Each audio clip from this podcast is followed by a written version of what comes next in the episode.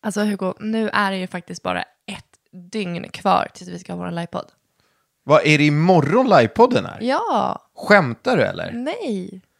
Oh Har shit. du, Hugo Rosas, Kvistberg, har du spånat på ditt manus, det du ska säga i podden? Eh, nej, jag ska göra det nu. Ja, som sagt, vi, i samarbete med Babyshop så kommer vi ha en liveshow imorgon bitti där vi kommer bjuda på frukost, en sjuk generös goodiebag med ett värde på 1500 kronor och eh, oss. Och på plats kommer vi ha Jasmine. Och vem är Jasmine, Hugo? Jasmine är alltså min gudfars sambo. Hon är barnmorska och har varit med på vår förlossning med Molly. Och sen så var hon doula på Leonors förlossning, så det var egentligen där hon var med allra mest. Aha. Men ja, hon har varit med på förlossningen i alla fall. Ja, och eh, vi är sjukt taggade. Det kommer bli jättespännande. Och eh, ni måste lyssna på nästa avsnitt när det är själva livepodden, för då kommer vi ut med ett super, super generöst erbjudande i samarbete med Babyshop till alla er som inte kunde komma. Grymt. Men du, Vi kör vi kör. questions and answers.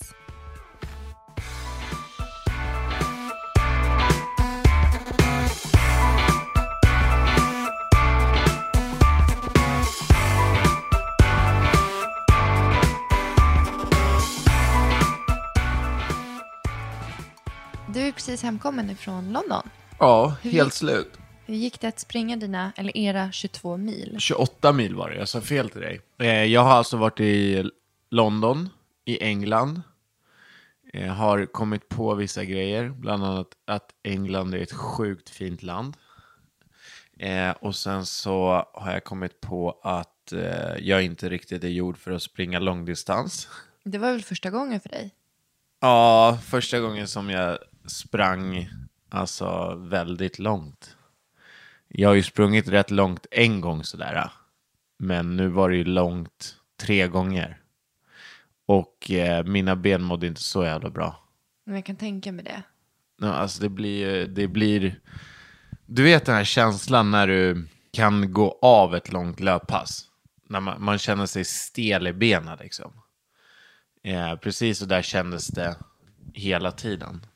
Så att, men det var en sjukt häftig upplevelse. Så att eh, jag, eh, jag, det är ju en, eh, jag är jätteglad att jag gjorde det här tillsammans med Rebook. Det är alltså eh, loppet som jag sprang hette eh, Ragnar Race. Och de har det i, det är jättestort i USA tydligen, jag visste inte det. Men nu eh, försöker de få in det i Europa. Och eh, nu var det i England då. Så att jag åkte ner tillsammans med Bingo. Och så åker man, det som är grejen, det är som en stafett. Så att man är fem stycken eller någonting i varje lag. Så åker man med den här bilen och det är bara en som springer åt gången. Så har man olika legs. Så att man kan välja hård lägg eller lite lättare lägg. Men inget är egentligen jättelätt. Eh, och så de andra är i bilen medans en springer. det. Det här tar alltså aldrig slut, utan du är klar när du har sprungit dina 28 mil. Ja, laget ska springa på- 28 mil. Så att man springer ju alltså från London ner till kusten, längs kusten och avslutar i Brighton. Det är helt otroligt. Alltså jag var inte med, men det kändes ju typ som att man var med med tanke på ja, men framförallt Bingos flitiga Insta-story-flöde och ditt. Ja, men jag var väl ganska flitig också. Ja, men du, det, är ing- det är ingenting. Nej, han är... Han, är, Du har en tredjedel om man jämför Bingos. ja, men Alltså, han, kör ju, han kör ju konstant. Ja, men jag tycker det är kul.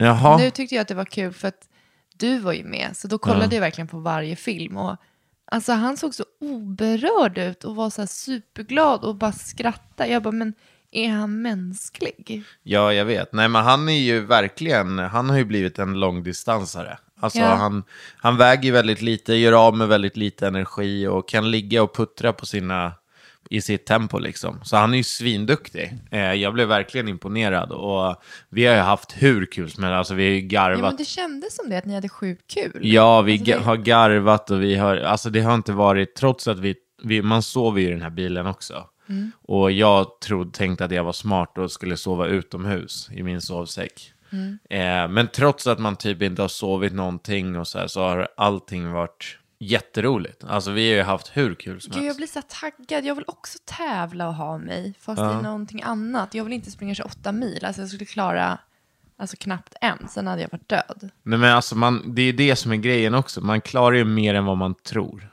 Så att du skulle ju också göra det. Du skulle klara det här också.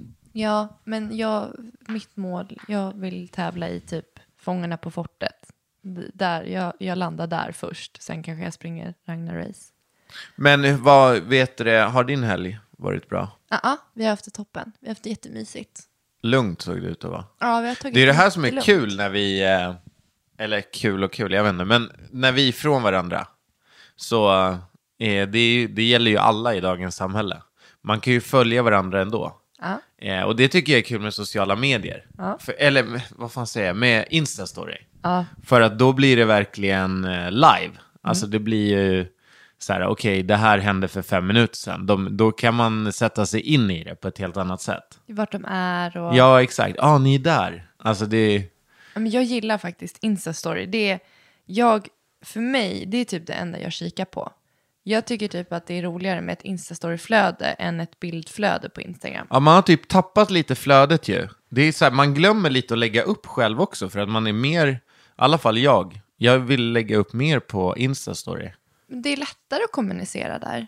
Ja. Jag hade aldrig Snapchat. Hade du Snapchat? Ja, men alltså blev aldrig hooked liksom. Nej. Det är en annan app och man var tvungen att skapa sig ett nytt följe.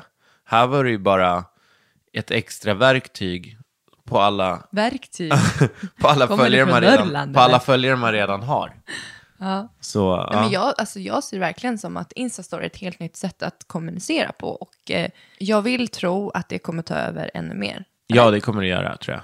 Finns det, kommer det vara så här Instastory-profiler? De Nej. som blir stora på Instastory. Nej, men de som är stora på Instagram är ju redan stora. Alltså, Nej men alltså det här var det sjukaste. Jag var ju på ett, jag var på ett möte om det var i förra veckan. ja. Eh, och det var tillsammans med ett eh, företag som gör träningskläder. Och så började hon fråga mig så här, ah, men vet du vem den här tjejen är? Vet du vem den här tjejen är? Jag bara, eh, vad fan, vilka är det här? Aldrig talat om dem. Så gick jag in på Instagram. Ja. Du vet så här, fyra- 400 000 följare, 600 000 följare, åtta, åtta, alltså så här, enormt stora profiler som jag inte har någon aning om. Då blir jag så här, men gud, är vi så gamla i gamet att vi inte typ vet vilka de nya är? Men det finns ju hur, det finns ju hur många sådana där som helst. Nej, men jag har inte liksom uppfattat det. Och sen också typ, jag tycker, att, eh, jag tycker att det är skitkul att följa Bianca Ingrosso. Jag tycker hon är skitcool och är typ superung och superambitiös. Hon har precis släppt en kollektion med guldfynd. Alltså det är unga människor, yngre människor än vad du och jag är, alltså kommer upp nu. Och det Ja. tycker jag är kul. Och det är ju på Instagram och YouTube. Framför allt. Det är ingen som bloggar längre, det är bara du och jag. Ja. Men eh, du, vet du dagens upplägg då? Ja, eh, vi har ju en, eh, vi ska besvara, det här är egentligen en, en questions and answers-podd. Så att eh, vi ska gå in i blogginlägget här där vi bad om att få lite frågor och så ska vi egentligen bara besvara dem och jag tänker att vi kanske kan köra varannan fråga. Så att du får välja fritt och sen så får jag välja fritt och så ser vi vart vi hamnar. Men vi plöjer ju bara, eller? Ska vi börja på en gång då? Yes, här då. Vad har ni för budget för ert bröllop? Eller till exempel, får bröllopet inte kosta mer än? Hur länge har ni sparat för ett blivande bröllop och tips på att spara inför ett bröllop? Det här tycker jag är jätteintressant för jag pratade, det, med- jag pratade med mina kompisar om det, hur man ska lägga upp ett bröllop. Ja. Alltså, man vill ju bjuda på allt. Eller vad tycker du? Vad vill du göra i, inför vårt kommande bröllop? Ja, alltså det tycker jag. Ja, Om man har möjligheten. Precis. Men vad tänker du mer kring budget och bröllop? För att det är en sån kostnad som, alltså hur man än vrider och vänder på den så blir den ju stor för ett hushåll. För att det är en kostnad där det är enormt mycket pengar på diverse saker. Sen så kan man ju såklart prioritera och, och liksom göra utifrån ens egna förutsättningar. Alltså jag tänker att eh, man lägger pengar på sånt som, alltså nu tänker jag ju bara utifrån mig, men sånt som jag tycker är värt. Typ mat, alltså allting som har med gästerna att göra. Där tycker jag man lägger pengarna. Och sen så tycker jag att det är mindre viktigt med allt runt omkring, vart man är. Ja men typ, alltså sådana grejer liksom. Så att jag, alltså jag skulle ju mer eller mindre kunna vara i en, eh, lada. Det är ju jätteromantiskt att vara i en lada. Ja, men alltså du fattar vad jag menar. Att, alltså jag skulle kunna vara vart som helst med, med gästerna så länge man kan skämma bort dem. Ja. Jag känner lite så till och med kring en brudklänning. För att jag funderade på det. Jag har ju aldrig riktigt haft den här drömmen om att ha ett bröllop. Alltså, jag vet vissa kompisar som typ bestämde när de var små. Hur det ska gå till, hur de ska ha se ut. För mig har det inte varit så superintressant. Men nu har jag verkligen börjat fundera på ett bröllop och funderat på hur jag vill ha det. Och just det här kring en brudklänning. För att jag tror att en brudklänning är ett plagg man, an- alltså man använder bara en gång i livet. Ja, när, det är ju om, det är om Molly eller Leonor gifter sig sen Ja, när och det den är går det i arv. jag känner. Då tycker jag, alltså ska, alltså ska, ska stackarna bli påtvingade att ha sin mammas 20 år gamla klänning, då kommer den vara ute och därför känner jag i mig själv att jag vill typ inte äga min brudklänning. Alltså jag skulle typ kunna hyra en. Är det Men vad då gör man det eller? Nej, det tror Men, jag eller inte. alltså kan man göra det, menar jag? Jag vet inte. Och vad kostar en brudklänning? Ja, det vill du inte veta. Ja, det, det är också en kostnadsfråga, men alltså flera tusen kan det kosta. Ja, men vad då? Det beror ju på vad det är 10 eller efter. 20 eller? Jag vet inte. Jag vet inte, men det kostar pengar. Alltså det är en, det är en kostnadsfråga. Och därför känner jag att i ett bröllop, jag har inget behov av att äga min egen bröllopsklänning. För att man kommer använda den en gång, sen kommer man hänga in i garderoben som bara ett minne. Vilket är Ja. fint, men de minnena kan jag hellre ha i minnesbanken eller i bilder. Men där tror jag nog, alltså jag, jag resonerar precis som dig. Men jag tror ju att, att Vill man behålla sin klänning, tror du det? ja jag tror att det är många som vill det. För att det är ett minne för livet. Men jag är ganska iskall när det gäller sånt där. Alltså, jag var uppe och rensade barnens kläder. Jag har en liten låda som är typ deras första plagg som de hade på, på BB. Ja. Sen har jag rensat, jag har gett bort, jag går till myrorna. Alltså jag är ganska så här känslokall när det gäller materiella saker. Jag ser typ inte riktigt någon minne i det på det sättet. Nej. Ehm, Däremot så skulle jag ju, alltså om, om vi gifter oss och flickorna har någon brudnäbbsklänning, de hade jag inte slängt för, eller liksom gjort mig av med för vad som i världen. Det hade ju varit jätteprecious på något sätt. ja.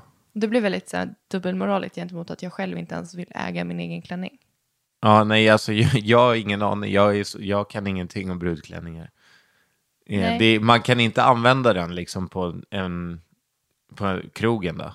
Alltså, det är klart att du kan, men varför skulle man vilja göra det? Jättejobbig Är, är en brudklänning, är det, alltså ser man så här, om du, om du skulle, om vi skulle gifta oss, Ja. och sen så, då har du ju en sån här äh, hatt och grejer också, eller vad heter det där? äh, Uppsatt hår med, men klänningen slutar ju inte vid klänningen, det är ju någon, någon, ni har ju någonting i håret också, eller?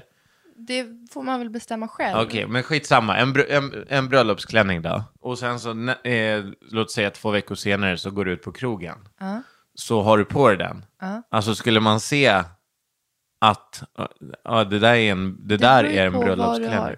Alltså för mig, alltså absolut om det är en traditionell vit klänning, då skulle jag säga, ja det är säkert en bröllopsklänning, men Ja. du kan gifta dig precis vad du vill. Du kan gifta dig i en kostym, alltså du kan ju ha, du kan ju ha alla möjliga plagg. Det är du som bestämmer vad du vill ha på dig. Nej men du måste väl ha Nej, absolut en inte. brudklänning? Nej, absolut inte. Du får gifta dig vad du vill. Får man? Ja, gud ja. Det finns flera teman. Nej, men tillbaka till ämnet. Absolut. Eh, jag, om man ska gifta sig så bör man eh, spara. Man bör avsätta eller ha ett sparkonto där man i familjen kommer överens om hur mycket man kan lägga undan och liksom ha en realistisk plan på om hur länge man kan gifta sig. Och sen så, ja men helt enkelt börja i tid tror jag. Alltså jag skulle aldrig spara till ett bröllop. Inte? Nej. Varför då? Då skulle jag hellre bara, men vi drar och gifter oss eh, för våran familj och vänner. Ja. Gör en, alltså en liten grej av det. Och sen så skulle jag hellre då spara till en, en bröllopsresa. Ja, Alltså men- jag skulle så mycket hellre lägga sparade pengar på en resa än på ett bröllop. Mm. Det, det är bara så jag tänker. Jo, men alltså om vi ska gifta oss Ja. den dagen vi bestämmer när och var och hur Ja. så är det ju våra sparpengar vi kommer jobba med. Jo, men vi har ju inte sparat för det ändamålet. När vi sparar för att spara. Ja, alltså vi, vi vet har ju pengar. vi Jag, jag menar till. bara att om det är så här att nu ska vi spara inför bröllopet. Då skulle jag hellre känna att nu sparar vi inför bröllopsresan och bröllopet ska inte kosta några pengar. Du hade vänt på det istället. Ja, Ja, men det, jag vet inte, man får väl bestämma. Jag, alltså man, du måste ha förståelse för att alla har olika. ja, ja alltså jag säger bara vad, om, om jag, alltså om, om det var så att vi inte har några pengar, vi vill gifta oss och vi ska spara. Så hade jag hellre sparat för resan efter eller liksom någonting med familjen. Än för, jag, jag tycker att bröllopet är, är en jättefin grej. Men jag, jag värderar en bröllopsresa mer. Eh, Ska vi gå vidare? Det är du. Kommer folk fram till er vid offentliga platser för att ta en bild eller säga hej? Har ni den turen att ni inte blir störda ute på shoppingrundan? Eh, ja, svara. Det kommer fram folk lite då och då. Absolut inte absolut inte ofta, men eh, alltså det känns som att de som kommer fram är ju n- 99% vettiga människor och eh, det slutar med att man bara står och snackar massa skit. Så att jag blir absolut inte störd av att någon, om någon kommer fram till mig. Inte jag heller, jag blir bara glad. Och jag tycker generellt att det känns som att typ när man är utanför Stockholm så är det så mycket mer. Ja, det är typ faktiskt i sant. Malmö eller Göteborg. Hemma kan man ändå så här känna sig... Alltså jag känner mig... Alltså jag- vi är ju vanliga. Så att när jag är i, på ICA så är jag vanlig. Så då kan jag bli så här om någon bara ursäkta. Jag bara, "Jaha, förlåt, står jag i vägen? Nej men är det inte du som är Paula? Jag bara, "Jaha, jo det är det. Då tror jag typ att jag står i vägen för att hon ska ta gurkan eller vad det är som är bakom mig. Men man blir ju glad. Jag tycker bara det är kul.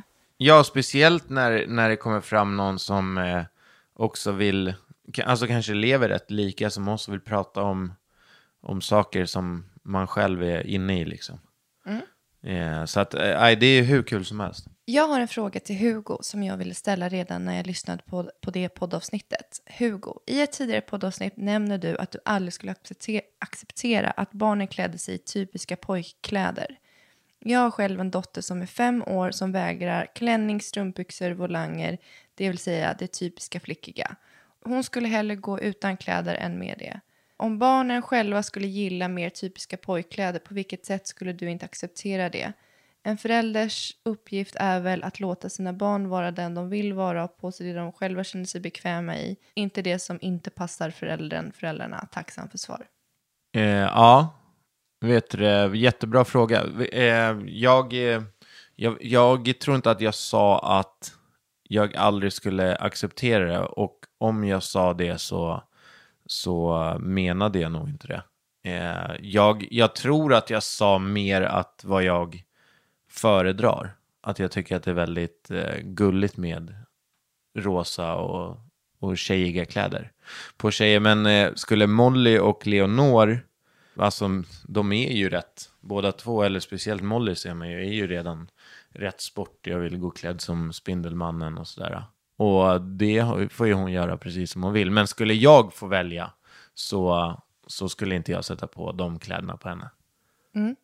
Nej, men det är väl så det funkar. Alltså, hon har ju fria tyglar till att sätta på sig den pyjamasen hon vill, de träningskläderna hon vill, de förskolekläderna hon vill.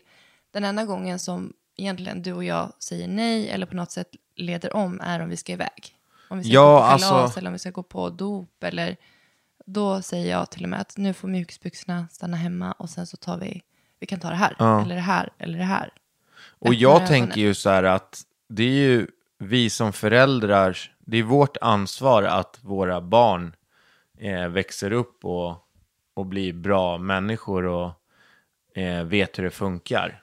Och jag tycker ju inte att man går med mjukisbyxor på, på en fest till exempel. Och där är säkert alla olika, men, men jag tycker ju att man, att man, alltså det, det, det är så det funkar. Ska man på fest så är man festklädd och sen så när hon blir äldre, då kan ju inte, alltså vi kan inte göra så mycket, men det är nu, nu vi sätter grunden och då försöker vi ändå visa vad vi tycker. Ja, eller alltså jag tycker de har ganska fria tyglar när det gäller det där. Ja, de har jättefria tyglar. Leonor är så liten, hon är bara två, men alltså är garderobsdörren öppen, då är hon där inne och härjar. Ja. Hon byter ju om 500 gånger, tar allt som är Mollys, testar badkläder, pyjamasar. Hon tycker det är skitkul med att alltså, byta kläder. Hon Mm. tycker det är svinkul. Men samtidigt visar vi ju också vad vi tycker. När det är fest eller när det är tillställningar. Ja, ja. Alltså, det, det är då, när vi ska iväg eller när det är någonting som, där, där jag klär mig fint, då försöker jag ju även göra att barnen ska göra det. Och alltså, de är inte omöjliga. Det är liksom så här, nej men jag vill ha Spiderman, men du kan ha Spiderman sen. Kan vi ha den här nu? Okej. Ja. Så det är ingen grej riktigt, men jag tycker, det, jag tycker det är skitcoolt att barnen tycker om Spiderman och Batman. Och jag tycker att det är kul att de har alltså, ett brett klädintresse och inte bara är inriktade på rosa volanger och glitter. Ska jag ta en till eller ska, har du hittat någon? Nej, men kör du. Missade lite med er flytt. Varför flyttade ni ifrån ert förra hus? Tänk att det var jättefint och stort. Eh, Vi bodde ju lite off i vårt förra hus. Ja, verkligen. Det, var kändes som att väldigt vi långt. behövde ta bilen vart vi än skulle. Ja. Eh, ingenting gick smidigt. Nej, men det, det var ett sånt område som var upcoming och eh, det hade utlovats en ICA, det hade utlovats bra kommunikation. Men det var typ om tio år. Och jag och du kände väl att vi har inte tid att vänta i tio år. Eh, nej. Men alltså det var ju... Det var ju egentligen... Du var ju väldigt skeptisk till att flytta dit från första början. Jag fattar helt ärligt inte hur du fick med mig. Nej, eh, men det var ju... Alltså huset var ju väldigt charmigt och det var ju väldigt... Ja, Alltså det hade ju... Vi, vi bodde ju i lägenhet så vi jämförde ju med det. ja, Och då var det ju så här, ja, Molly började bli äldre, eh, vi skulle få ett till barn. vi, det var den här känslan av att kunna öppna altandörren och låta barnen springa fritt. Exakt. Det var det vi suktade efter. Och det, det här huset låg eh, ännu mer söderut om stan och det var billigare. Eh, så att vi högg till och vi flyttade dit och eh, det var ett fantastiskt hus och det var en fantastisk tomt. Men som du sa, alltså på en lördag och en söndag, då orkar man inte hitta på saker. Då vill man göra saker i sitt område. Men det fanns ingenting utanför dörren. Det fanns en förskola med en liten klätterställning. Ja, och typ en hage och kolla på hästarna. När Ja. vi hade gjort det 200 gånger, då var det så här, ja. Nej, men man vill ha...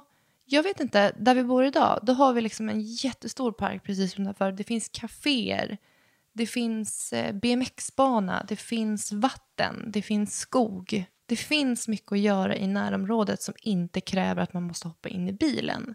Och det var det jag saknade i det förra huset, framför allt. Men sen också, hade vi fått välja från första början, då hade vi nog flyttat hit på en gång Ja. till det här området. Problemet är ju att eh, alltså bostäder i Stockholm är ju någonting som kostar sjukt mycket. Ja. Eh, så vi har ju fått göra precis som så många andra och göra den här resan med att alltså, byta upp oss hela tiden. Och till slut så, nu har vi hamnat där vi vill, och, men det har ju varit en Det alltså, några års resa liksom. Tre flyttar. Eh, så att, men nu, alltså det här området som vi bor i nu är ju, Det är tio poäng. ja, 10 poäng alltså. Det är ju så nära stan man kan komma men ändå utanför. Helt perfekt.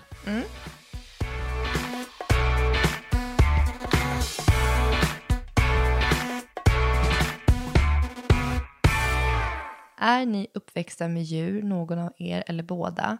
Har ni haft några tankar på att skaffa hund eller katt?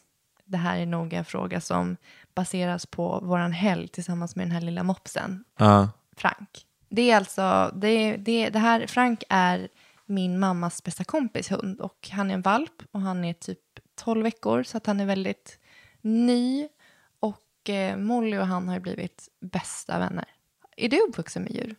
Du vet ju att vi har haft en hund Ja, som berätta. heter Caesar. Jag berätta. Ja, vi, vi, vi, jag vet inte fan när vi köpte Caesar, hur gammal jag var. Jag var typ 12-13 år. Då köpte vi världens längsta hund och världens tyngsta. Han hette Caesar och vägde 35 kilo och var, hade lika korta tassar som en katt. Eller ben. Caesar är död idag. Och eh, vi hade Caesar i, jag vet inte, åtta år kanske. Händer det något kul med honom? Ja, det hände honom? roliga grejer med honom hela tiden. Han var ju otroligt eh, hungrig, precis som mig. Och tog varje tillfälle han kunde få att rymma och försöka tigga mat från grannarna. Och... Hände det inte någonting så att ni var uppe på en stege och något? Ja, när han la sig mitt i vägen och började morra till bilarna Ja. så att de inte kunde köra förbi. Alltså jag, det, det händer ju, det händer mycket roligt med Caesar, men alltså jag, jag är ingen djurmänniska. Jag, eh, jag har inget, jag, jag kan tycka en hund är, är söt och, och fin, men eh, samtidigt så, jag har blivit biten av en hund i ansiktet. Fick åka in till sjukhuset i Chile och ta så här rabiessprutor. Jag har fortfarande än idag är efter det. Jag tror att det gjorde så att jag, jag tappade all respekt för eh, djur och framförallt hundar. Jag, alltså jag, idag så är hundar som, eh, alltså jag ska inte säga som fiskar, men som, som vilda djur. Jag kan tycka att de är gulliga, men jag ser absolut inte så här att det är människans bästa vän. Liksom. Kul eh, inställning Ja. faktiskt. Nej, men det är så jag känner. Ja, då känner Så jag att, då eh, får du flytta ut i hundkojan så köper vi en hund. Så. Ja, men alltså det där kan ju säkert förändras. Ja. Det är bara så jag, det är bara så jag känner ja. just nu. Jag har aldrig varit speciellt intresserad för att jag tycker att det verkar jobbigt att ha en hund för att man blir så låst. Men alltså, jag kan medge att jag eh, börjar ändra min uppfattning för att jag ser inverkan hos barnen. Alltså det är helt fantastiskt hur Men blev du allergisk av Frank eller? Inte alls. Han är en mops och jag gosade, alltså jag gosade med honom, jag hade han i ansiktet, jag pussade honom. Alltså jag verkligen gosade med honom in i tröjan. Kände ingenting. Hur sjukt är det? Och Ja, för att alltså, du, när du, när jag och Paula träffades, då, då, du, du, du säger ju aldrig hur allergisk du är. Nej? Du, jag vet inte om du tycker att det är jobbigt liksom, men det är så här, om vi ska åka hem till van. någon och de bara, ja men vi har fyra husdjur, eh, är det okej? Jag bara, ja så kolla med Paolo, hon är lite allergisk. Nej men det är ingen fara, efter fem minuter då ser jag på Paolo, hon håller på att kvävas. Jo, men jag är van. Alltså jag har, jag har gjort det hela mitt liv. Ja, men för mig är det men- mycket värre med till exempel katter och hästar. Ja, hästar är ju inte, alltså det är ju helt sjukt. Ja, då mår jag jättedåligt. Men hundar har alltid varit så här, det har typ varit okej. Vissa hundar va? Ja, vissa hundar kan det vara så att om de slickar på mig så blir jag helt röd och liksom Ja. får svull, alltså blir svullen. Ja. Men det funkar och eh, efter den här helgen med den här voven så jag är i alla fall väldigt öppen på tanken på att skaffa en hund i framtiden. Ja, men jag tror absolut inte vi ska skaffa någon hund. Nästa fråga. Ja, kör du. Fråga till Hugo. Kan inte du berätta hur intresset och uppstarten för Crossfit började? Hur var första månaderna? Vad tog du hjälp för att komma dit du är idag? Jag höll ju på med thaiboxning. Kommer du ihåg det? Ja. Och ehm, det var på, på thaiboxningsgymmet. Jag, jag eh, insåg ju ganska fort där att eh, det, det där kommer inte bli någonting. Samtidigt så hade jag en personlig tränare där på, på Tullinge Muay Thai. Och eh, det här var, det var när, när Molly precis var nyfödd va? Och sen så då tränaren gick någon så här level 1-utbildning, någon crossfit-utbildning i Finland. Och så kom de tillbaka och så satte de upp en sån här crossfit-workout på thaiboxningsgymmet. Så körde jag den och det var det jobbigaste jag gjort i hela mitt liv. Kommer du ihåg vad det var? Nej, jag kommer inte ihåg vad det var mer än att det var precis som alla beskriver crossfit. Det var 100 miljoner olika övningar, 100 miljoner reps och jag, det tog säkert hur lång tid som helst för mig. Jag kunde inte andas efter, jag var helt död. Men jag kände att fy fan vad det här var. Alltså det här, jag levde på det där efter liksom. Du vet den här känslan. Och sen den dagen har jag ju egentligen varit helt fast. Och det här är tre och ett halvt år sedan. Så direkt efter det, då började jag ju, jag bara, ja, men jag måste börja med crossfit. Eh, åkte ju, kommer du ihåg det? Vi åkte ju till Marbella på crossfit-resa. Jag var skitnervös. Jag tänkte att det är konstigt det där. Jag tänkte så här, fan nu ska jag åka till Marbella med massa crossfit-proffs. Och eh, det kommer vara så pinsamt för jag är ju värsta nybörjaren. Och, eh, men så var det absolut inte. Utan det var ju, det gjorde mig bara ännu mer taggad liksom. Eh, dels det här att man fick se hur mycket övningar det är man måste lära sig i crossfit. Alltså det tar ju aldrig slut. Och att det var tjejer, killar, gamla, unga, det var så blandat. Och så tränaren där i Marbella sa att när vi kommer hem så får du komma till, till min box. Och det var Nordic. Ja, Crossfit Nordic och börja träna där. Och då blev det för mig ett ganska enkelt steg. Jag behövde liksom inte söka upp någonting själv, utan det var så här, eh, det var bara att, att ta sitt arsle till Crossfit Nordic och börja. Och eh, då började jag köra dagens pass där, som är en jätte, jättebra grund.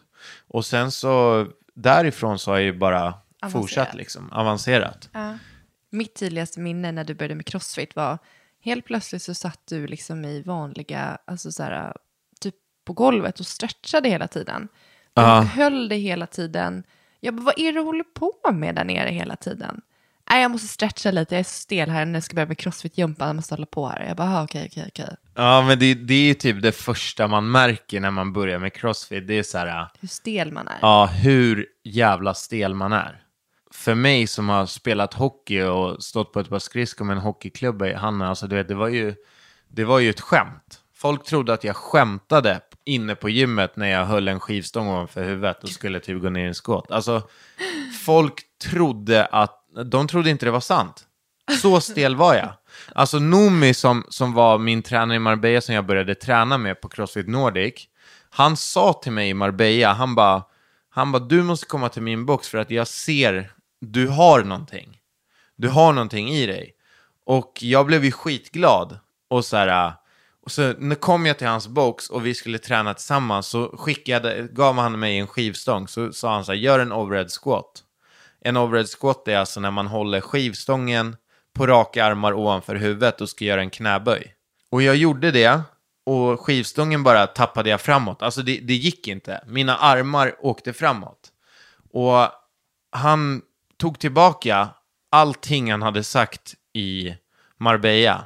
Han bara, det här går inte. Alltså du, du är sämst. Och då, fick du, då blev du skickad till dagens pass. Ja, då blev jag skickad till dagens pass och, och börja liksom från, från början och lära mig. Alltså rörligheten är det som har varit absolut eh, jobbigast för mig och är än idag. Ja. Men så är det ju, viss, man har ju styrkor och svagheter. Vissa är superrörliga, men har inte styrkan eller pannbenet. Det gäller ju bara att få en kombination av det och öva på det man är sämre på. Ja, och det är ju verkligen det som är kul med Crossfit också. För att jag, jag tror ju att alla människor har någonting som de är bra på inom Crossfit. Precis som du säger, vissa har rörligheten. Ja, de kan göra den där overhead squatten och glänsa med det innan alla andra kan göra det, för att de har rörligheten. Vissa är ju bara explosiva som djur. Eh, vissa är, är, har superbra pannben och, och lungor. Så att jag, jag tror att alla har någonting som de kommer känna så här, fan det här jävlar vad, vad bra jag var på det här. Och känna satan vad dålig jag var på det här. Eh, men jag tror också att vill man börja så ska man måste bara ta sig till, till ett crossfit-ställe, säga som det är i receptionen, jag är nybörjare, jag vill börja köra. Och ta det därifrån liksom. De flesta boxen är ju superseriösa nu och hur duktiga som helst. Här är jag en då. Är du redo? Ja, Det är till oss tillsammans. Eh, det är från Nelly. Hej, vad tycker ni om varandras klädstil? Och skulle ni vara trygga med att låta den andra välja kläder för en hel månad? Sen undrar jag också vem det var som kom på namnen Molly och Leonor från början och hur vi kom fram till just de namnen. Ja, ska jag börja eller? Med klädstilar. Jag tycker ju att ja, jag tycker att du inte klär dig särskilt bra. Tycker du inte? Fan vad sjukt om jag skulle sitta och säga så. Nej, men jag lyssnade för jag trodde du menade allvar. Nej. Eh, Du klär dig jättefint, tycker jag. Men jag har så olika kläder. Alltså jag har ju ingen så här äh, röd tråd. Nej, alltså det, det är nog något som speglar både dig och mig. Men det är lite så som vi är som personer också. Vi saknar den här röda tråden. Alltså jag är ju verkligen, eh, det är ju helt sjukt. Jag kan gå ju med träningskläder ena dagen, kostym andra och sen så ska jag fått för mig att jag är en jävla modehaj den tredje.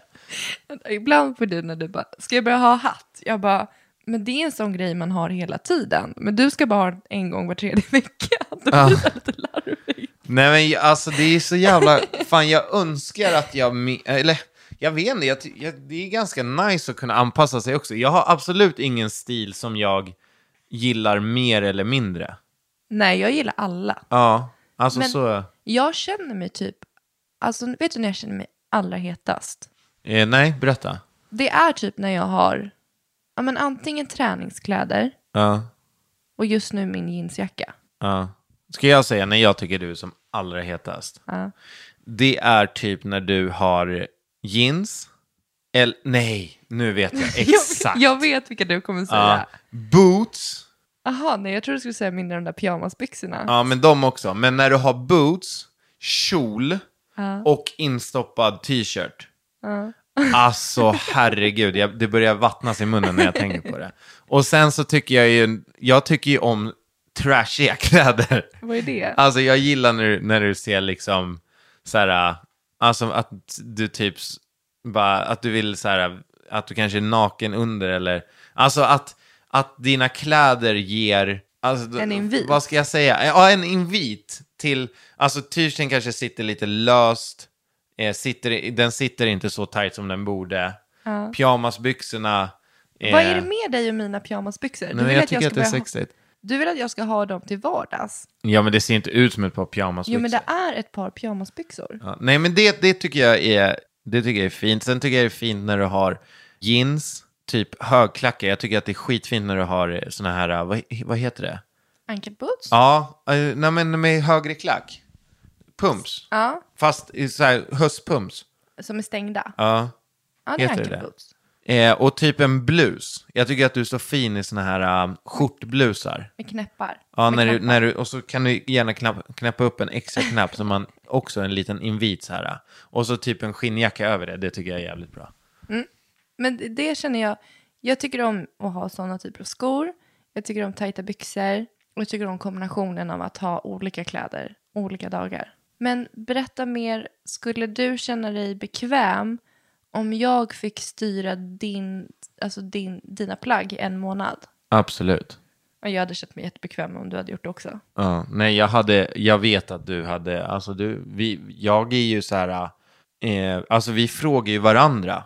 Hela För tiden. att vi vet ju, eller jag, jag tror att vi litar på varandra när det kommer till, men du är lite trotsig i och för sig. På vilket sätt? Du så här, kan ju komma bara, men, men ska jag ha den här eller den här? Ja, så Ja, tar jag. men du vet redan vad du själv kommer att ha. Ja, Så att frågan är egentligen bara, bara för att. tycker du att den här är snygg typ? Ja. Och så väljer jag den andra, då är det så här, nej men jag vill, jag vill ha den andra ändå. Ja men vad fan, varför frågar du då? Nej, Men det är typ att man tänker högt. Jag tänker att det är så. Ja.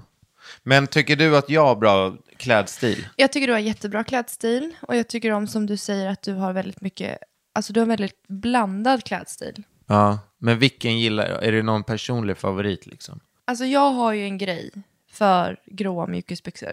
Alltså det har varit min... Vadå, när jag har gråa mjukisbyxor på mig? Nej men jag har varit, så länge jag kan minnas så har jag tänt på gråa mjukisbyxor. Men jag har inte ens några gråa Jo, mjukisbyxor. du har haft det i perioder. Du har ju nya mjukisbyxor hela tiden i och med att du är en atlet för Reebok. Ja. Men framför allt, alltså gråa är så mycket, alltså det är så mycket sexigare än ett par svarta. Så att du, du menar att min, ah, nej, alltså min snyggaste klädstil, det är när jag har på mig ett par gråa mjukisbyxor. Nej, jag Du vet, det här var den största förolämpningen jag har fått idag. Jag sa inte det. Nu misstolkar du mig. Det Jag började med att berätta om en hookup som jag har haft i hela mitt liv. Ja. Och jag tycker att det är så sexigt när du har gråa mjukisbyxor. Ja, och det, inte var svaret på min fråga, Nej. vilken klädstil... Vad? Nej, det var det inte. Nej. Alltså jag tycker om typ om du har så blåa vanliga byxor och en snygg tröja och ett par sneakers. Eller alltså, jag älskar din blåa kostym. Den här som du fick skräddarsydd. Ja. Den tycker jag är skitsnygg. Alltså jag tycker du är jätteläcker när du bara har badbyxor. Jag älskar dina... jag tycker dina Frank Dan, det är helt Ja. underbara. Ja, så att var, nu har du givit... Det är alla mina klädstilar alltså. Nej, jag har inte ens sagt. Jag tycker inte att det är så, alltså när du går ut med dina träningstyrsor liksom. Det gillar du inte? Nej, alltså det är ju standard. De Nej. har det hela tiden. Har jag? Ja. Okej. Jag tycker, jag tycker nog mer om när du är dressad.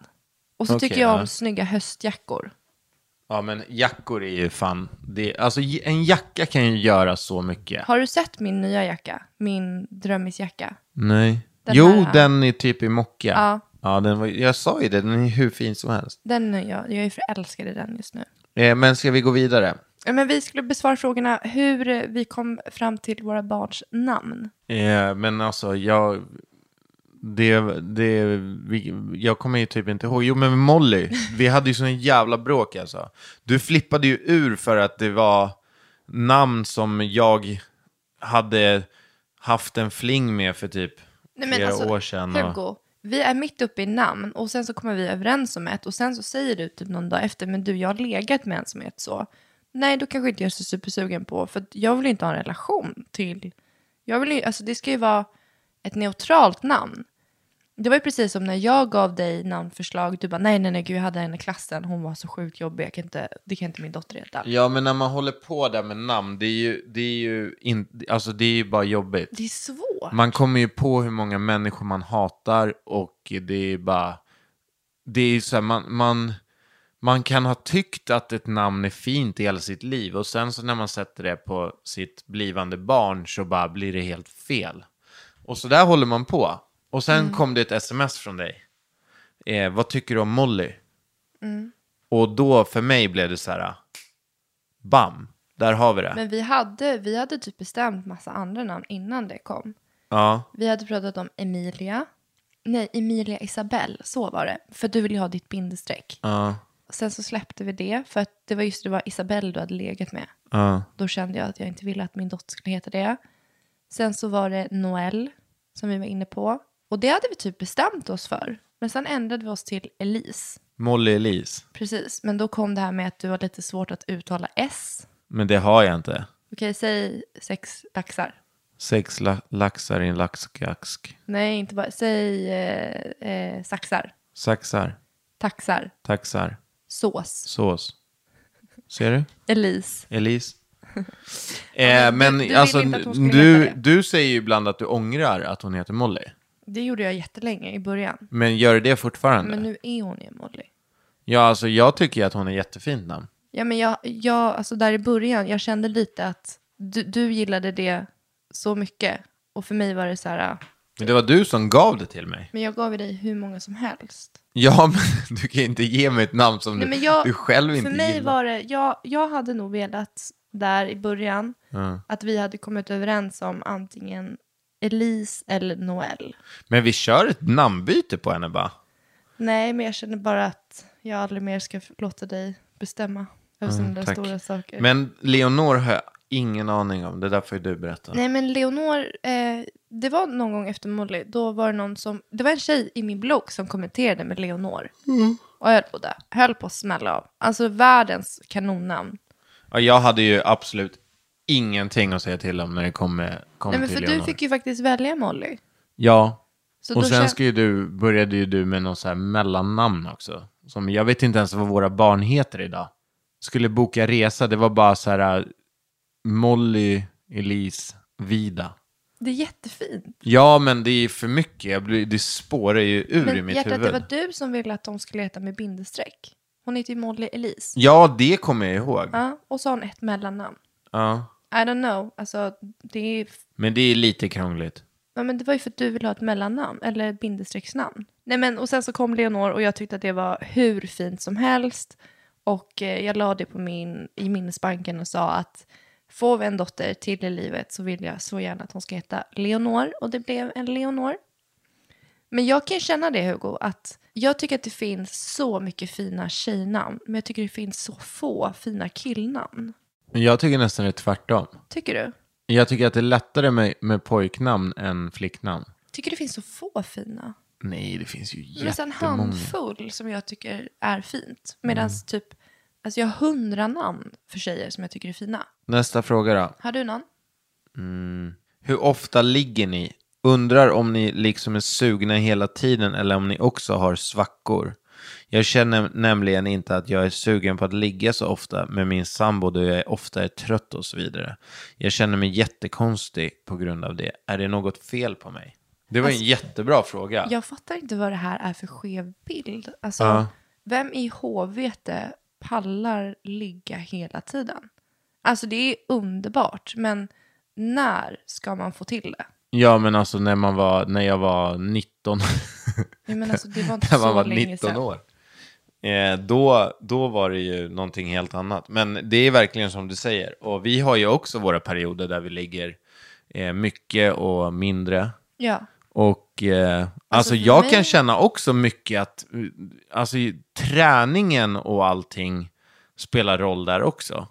Man är ju så tömd på energi på kvällen oftast. Att det finns liksom inget mer kvar att ge. Så kan jag känna. Alltså, för min del så är det nog aldrig lusten finns nog där alltid. Ja. Den är liksom inte förändrad, utan det är orken. Ja, men... är- Ja. Lust och ork är ju Men mig- alltså utan ork så har du ingen lust. Nej, men också det här med tiden. När. När. Alltså när. För att Ja. morgonen, sängen är full med barn. Kvällen, jobbar. Natten, barnen kommer. Alltså det, Men blir, det blir begränsat. Ja. Nej men vi hittar ju våra luckor liksom. Ja, Men ibland är det absolut mer och ibland är det mindre. Ja, men, så- eh, ja. men är inte livet så? Ibland är det mer och ibland är det mindre. Även i ett förhållande och även när det gäller liksom det sexuella. Jo, verkligen. Och jag, alltså vadå, det är, väl, för det är väl det. jättenormalt, är det inte det? Jo, det tror jag. Och jag tror inte, man ska inte hålla på och shamea sig själv och på något sätt förminska sig eller liksom tro att ens förhållande är dåligt på grund av det. Och är det så att man tänker på det här, mår dåligt över det här, det Måste det här man med... prata om det? Jo, men och jag kan tänka för att alltså sådana här samtal, de är svåra att ta. Det kanske är jobbigt att prata om det, alltså till, till och med med sin partner. Och man kanske måste ladda upp för att våga prata om det. Men jag vill nästan intyga och lova om att det kommer kännas så mycket bättre Ja. när man har pratat om det. Alltså, har inte du haft så här sjukt svåra samtal med någon någon gång? Och så känns det bättre efter. Så känns det så mycket bättre ja, efter. men så är det alltid. Alltså så kände jag senast jag gjorde det med dig. Det var nog när, kommer du ihåg när jag snackade med dig om, eh, om Nicky? Ja. Då hade jag ju liksom tagit ut dig på en promenad. Alltså Vadå jag tagit ut verkligen, med promenad? nej men när jag skulle prata med dig om det jag kände Ja. så var vi ute och gick. Ja. För att jag var så här, jag vet inte hur jag ska berätta det här. För att jag kände skuld och skam för hur jag kände. Det handlade alltså om att Hugo hade fått en ny medarbetare på Clean. Och eh, jag började känna mig, jag började se mig svartsjuk på deras relation innan jag typ ens lärde känna henne eller ens hade träffat henne. Det blev så mycket att jag kände att okej, nej men jag måste faktiskt säga det här till Hugo.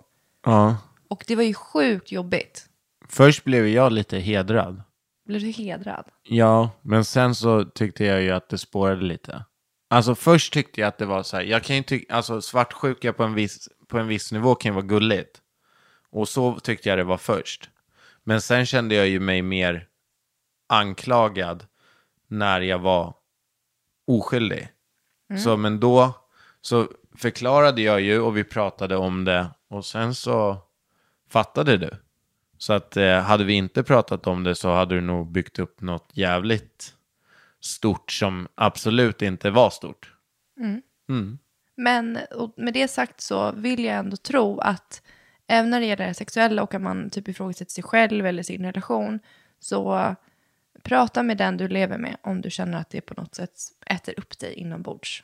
Till Huggsan, the running man. Om ni hade levt som oss, oss andra, typ som jag, två barn, nytt hus, men ändå mycket fix kvar runt om, jobbar heltid, tränar och så vidare. Tror du då att ni hade varit ihop fortfarande? Det tror jag nog säkert såklart, men ni lever ändå rätt gött mot många andra som sliter arslet av sig på ett annat sätt. Förstå mig rätt nu, inget elakt. Tror du ni hade varit tillsammans om ni levde så? Har det så gött, grymt jobbat i helgen, kung. Eh, jag tror absolut att vi hade varit tillsammans, fortfarande. Jag tror nästan att vi kanske till och med hade haft det ännu bättre. Alltså att vi hade haft, de, gånger vi tjafsar så är det ju kanske på grund av sådana saker för att vi är så fria. Och hade vi båda jobbat heltid med någonting, då hade man ju verkligen varit tvungen och planerat vissa saker annorlunda. Så jag tror att det hade blivit mindre missuppfattningar.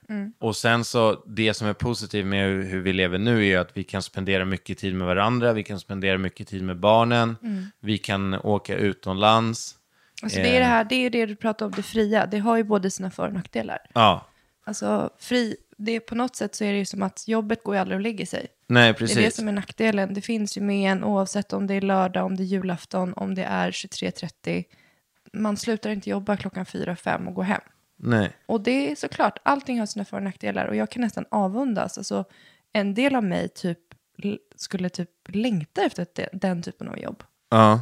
Jag, jag vet vad du menar, för så där brukar jag också känna stundtals. Ja. Men samtidigt så tror jag att vi inte hade varit tillsammans om du hade haft ett vanligt heltidsjobb, 7 till 5, och jag hade levt som jag gör. Nej, för då, när hade man mötts? Exakt. För att, vi är så accepterande mot att det finns inga vardagskvällar. Det är liksom, du är på ditt och jag är på mitt och det är i datorn. Ja, precis. Och ja, men du vet, allt resande, alla, alla jippon, events och du vet, då skulle, om det är jag som jobbar heltid, då skulle jag bara sitta och se på när du gör massa roliga grejer som jag tror att du gör.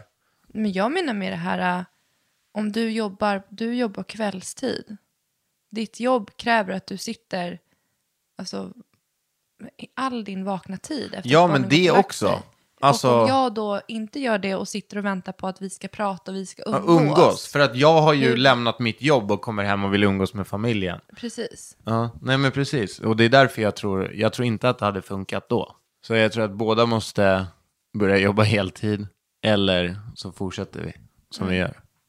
Nej, men också så här att, alltså jag kan bli så här, äh, är man verkligen så fyrkantig att man tror att, det, alltså det, på dagtid, alltså jag jobbar mina kvällar för att kunna ha fungerande arbetstid dagtid. För att det man gör, det kräver en fysisk närvaro. Alltså om vi har ett samarbete, då är det inspelning, det kan vara diverse saker som behöver göras.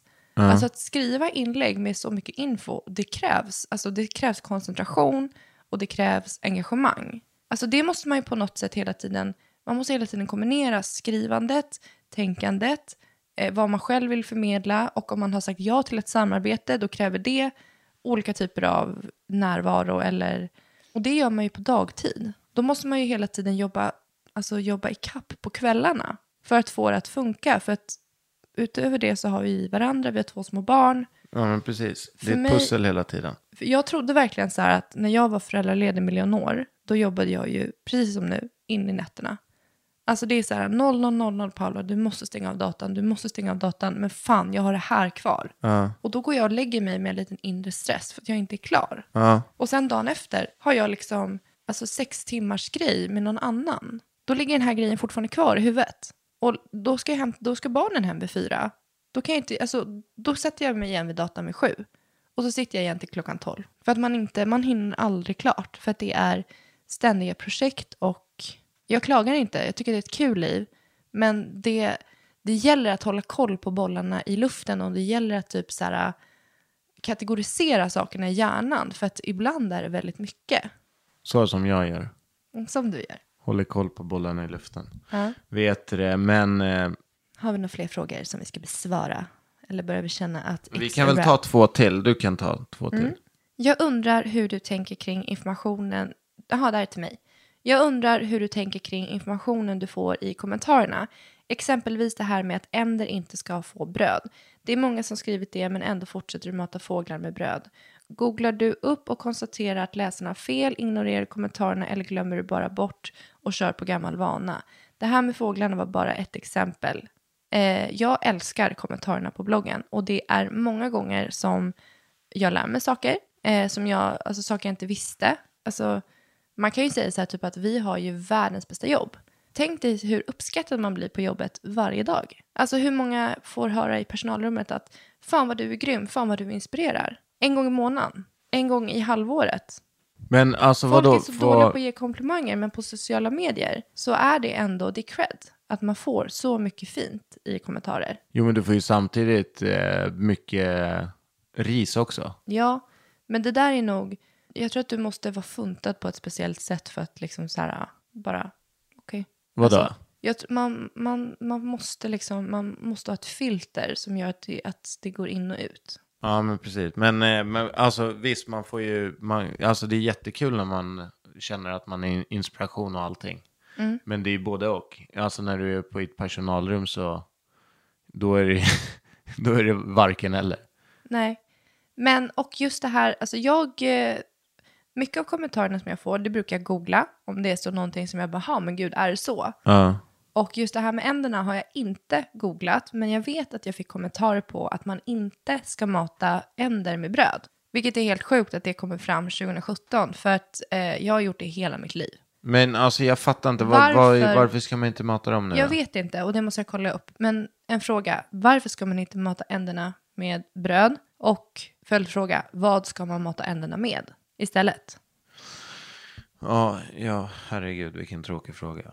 Nej, men jag tycker det är jätteintressant vad man gör med kommentarerna. Brukar Alltså du... jag måste bli mycket bättre på att svara på kommentarer. Men jag läser ju absolut alla kommentarer jag får. Men du, du finns ju till och med en gilla-funktion. På bloggen? Ja, och på- alltså på Instagram. Ja, men på Instagram är jag jätte... Där är jag mycket bättre på att gilla. men är det för att du är hänger mer inne på Instagram eller? Eh, ja, ja, det är ju det är framförallt mycket krångligare att svara på bloggen. Ja. Alltså det, det är ju... På Instagram kan man, kan man svara i, En på vägen, liksom, Ja. när man är på väg någonstans. Ja.